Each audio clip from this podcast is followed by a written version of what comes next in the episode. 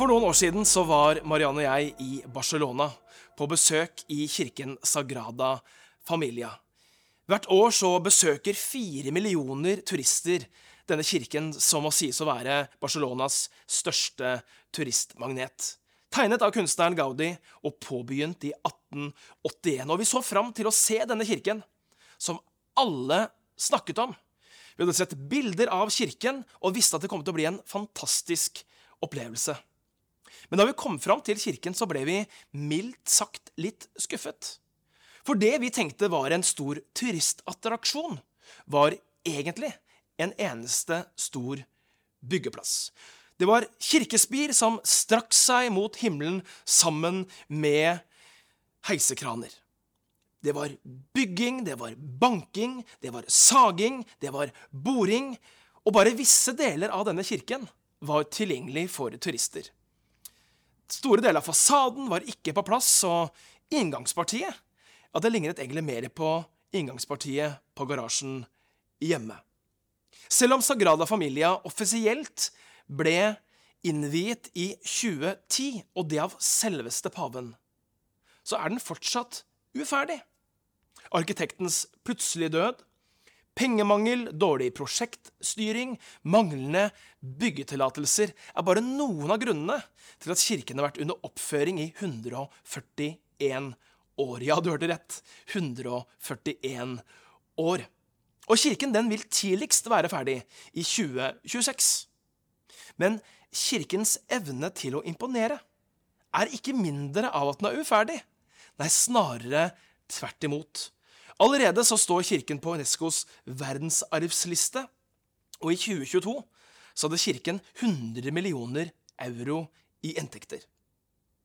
Så hva forteller Sagrada Familia oss? Jo, for akkurat som Sagrada Familia så er våre liv bygninger. Og for deg som ser på, så er du sikkert i forskjellige stadier i livet. Noen vil kanskje kjenne at du har kommet langt. Noen vil kanskje kjenne at du har kommet kort. Og noen kjenner kanskje at man kommer til kort. Men i Efeserbrevet sier Paulus, for vi er hans verk, skapt i Kristus Jesus, til gode gjerninger, som Gud på forhånd har lagt ferdige for at vi skulle vandre i dem. Så hva betyr det egentlig, det Paulus sier, at vi er Guds verk? Det skal vi snakke litt om nå. For det første betyr det at Gud er arkitekten. Begrepet arkitekt det kommer fra gresk og kan bety en som legger store planer. Og hva er det Paulus sier i Feserne 1? Jo, han sier at vi er skapt for å gjøre gode gjerninger, som Gud på forhånd har lagt ferdige for oss. Så vi kan altså velge å leve i det livet som Gud har bestemt for oss, på forhånd. Før et spadetak tas, og før noe gjøres, så er arkitekten den som legger store planer, og vet nøyaktig hvordan bygget skal se ut. Gud er arkitekten som har lagt planer for ditt og mitt liv, som har store planer for våre liv. Da jeg var eh, liten, så drømte jeg om å spille musikk. Og selv før jeg fikk meg min egen gitar, så kunne jeg gjerne gripe tak i en tennisracket og late som at det var et instrument og jeg hadde nok ganske god fantasi, så jeg klarte å leve meg inn i at jeg var en, sikkert en stor rockestjerne eller et eller annet som sto med gitaren min og framførte en låt foran et publikum, som da gjerne var pappa og mamma. Og i mitt hode så hørtes det jo fantastisk ut, selv om man fra utsiden så at jeg egentlig bare sto der med en tennisracket. Men jeg husker jeg tidlig i livet lukket øynene og drømte om å stå foran mennesker og spille sanger, og de sangene jeg spilte i drømmene mine, de var gjerne mine egne. Problemet var bare at jeg var altfor beskjeden til å noen gang våge å stå foran en stor forsamling. Men jeg hadde allikevel en drøm på innsiden, og jeg hadde allikevel sett noe på innsiden, i mitt indre, som jeg enda ikke hadde sett i virkeligheten. Og på samme måte så tror jeg at Gud er arkitekten bak våre liv. Den som legger planer, og som ser til at drømmer blir virkelighet. Og i dag kan jeg stå her og snakke foran dere, og gjøre det med forholdsvis, i hvert fall, stor frimodighet. Noe av det som ligger i deg, og som du kanskje tenker ikke er mulig, eller du ikke har naturlige forutsetninger for å gjøre, det har Gud sett. Og Gud vil gjøre mer gjennom deg og i deg enn det du kanskje tenker i dag er mulig. For vi lever i en verden der vi stoler mest på det vi ser, det vi kan telle, det vi kan måle, det vi kan berøre. Og så tenker vi at er det synlig, så er det virkelig. Men hør hva Bibelen sier. Bibelen sier i Hebreerne 11,3 at i tro forstår vi at verden er skapt ved Guds ord, og at det vi ser, har sitt opphav i det usynlige. Så ifølge Bibelen så er det usynlige mer virkelig enn det synlige. For alt det synlige, sier Bibelen, begynner i det usynlige. Michelangelo han var den store renessansekunstneren som er opphavsmann til noen av våre største kunstverk. For eksempel Davidstatuen i Firenze, taket i Det sixtinske kapell. Og hva var det som gjorde Michelangelo til en stor kunstner? Jo, han så det usynlige. Og så gjorde han det usynlige synlig. Michelangelo er sitert på dette at hver steinblokk har en statue på innsiden og det er skulptørens oppgave å oppdage den. Og da han lagde sin statue, Engelen i Bologna, så sa han, Jeg så engelen i marmoren, og jeg hugget til jeg satt ham fri. Derfor så skal vi ikke undervurdere det vi ikke kan se. Enda. Hvorfor? Jo, fordi at Gud er jo arkitekten som ser storheten i steinblokka som ser hvordan det skal se ut, har lagt planen og vet nøyaktig hva han skal gjøre for å få den fram. Han er kunstneren. Han er arkitekten som legger store planer for deg. Det andre det er at Gud er byggmesteren. Salme 127,1 sier hvis Herren ikke bygger huset, arbeider bygningsmennene forgjeves. Og i vår moderne verden så sier vi gjerne at det er du som skal designe ditt liv. Det er du som skal skape din egen karriere eller lykke.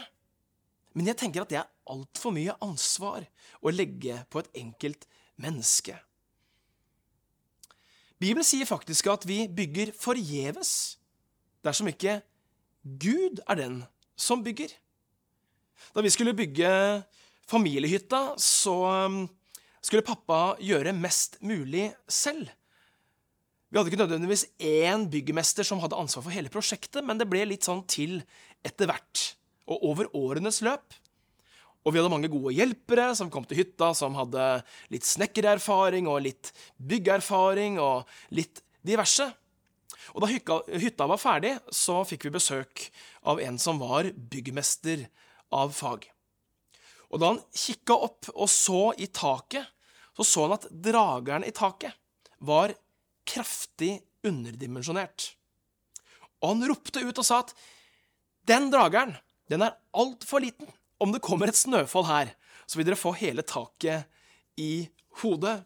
Det endte jo med at vi måtte sette opp en ekstra påle midt i stua for å holde taket oppe. Vi sier ofte at selvgjort er velgjort. Noen ganger sant, men noen ganger så trenger vi også ekspertise og kompetanse inn for å sørge for at de dimensjonene og de beregningene vi gjør, er rette. Og fra vi er små barn, så sier vi 'jeg skal klare selv'. Du har sikkert sett små barn som er ivrige etter å gjøre oppgaver selv. Selv oppgaver vi som voksne ser at dette er jo langt utenfor hva de selv kan klare. Men det er en del av utviklingen vår at vi vil klare selv, at vi vil gjøre oppgavene selv, at vi vil fikse det.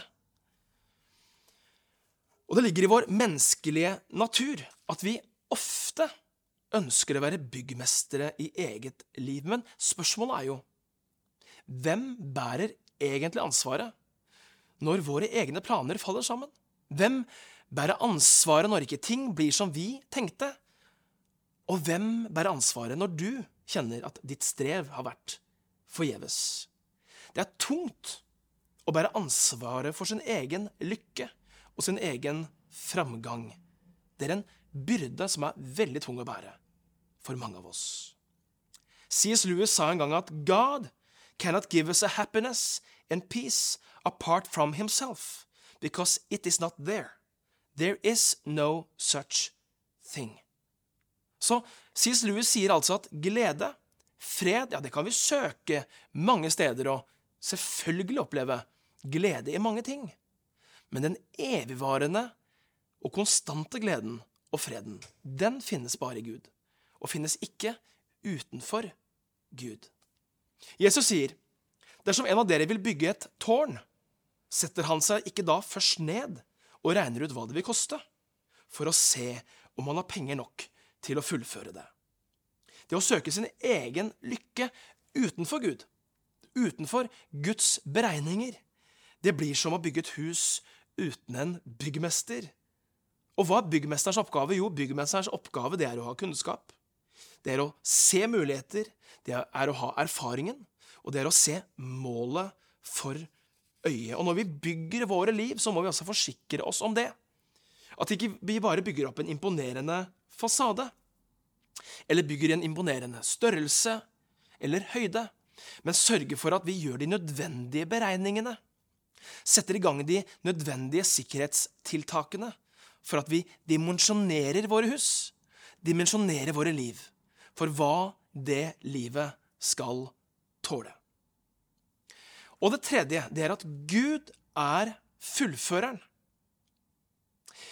Personlig så har jeg aldri tvilt på Guds eksistens, men jeg har tvilt på Guds plan. Og jeg har noen ganger tvilt på om den planen er en god plan. Og så skal jeg være ærlig og si at jeg opplever at den usikkerheten ikke blir mindre med åra nødvendigvis. Etter hvert som jeg får mer erfaring og har opplevd mer av livet, og at faktisk ganske mye av livet så langt ikke har blitt helt som jeg hadde tenkt. Men gang etter gang så har jeg blitt påminnet og oppmuntret av dette bibelverset fra Filipperne 1,6. Og der står det Og Gud, som startet en god gjerning i dere, skal fullføre det han har startet. Det er jo lett å si at Gud er trofast, bekjenne det, synge det, men det er så vanskelig å se Guds trofasthet i nuet, i øyeblikket. Ofte så har jeg faktisk lettest sett Guds ledelse og Guds trofasthet i ettertiden. De gangene jeg har kastet et blikk i bakspeilet, så jeg har sett at der jeg var, og det jeg gikk gjennom, der var faktisk Gud med meg. Og at hvert pust jeg tar, og hver dag jeg får, er en ny nåde. Sagrada Familia det er ikke et fullført verk, men kirkens evne til å imponere. Det er ikke noe mindre av den grunn. Snarere tvert imot. Den er allerede et mesterverk før den er ferdig. Og innsiden av Sagrada Familia står jo i sterk kontrast til den til tider støyende og uferdige framsiden. For inne i kirkerommet så ble jeg slått av denne kirkens skjønnhet. Detaljene, dekoren, fargene, størrelsen, rommet. Og det at kirken faktisk ikke er ferdig, ja, det gjorde jo bare denne opplevelsen enda mer unik. Fordi det finnes jo mange ferdige kirker i verden, men det finnes langt færre uferdige. Paulus sier, Vet dere ikke at kroppen deres er et tempel for Den hellige ånd, som bor i dere, og som er fra Gud? Dere tilhører ikke da lenger dere selv. Dere er kjøpt, og prisen betalt. Bruk da kroppen til Guds ære. Og skal jeg være ærlig igjen, så vil jeg si at dette livet, dette byggverket som kalles det kristne livet, for min del ikke alltid føles helt ferdig.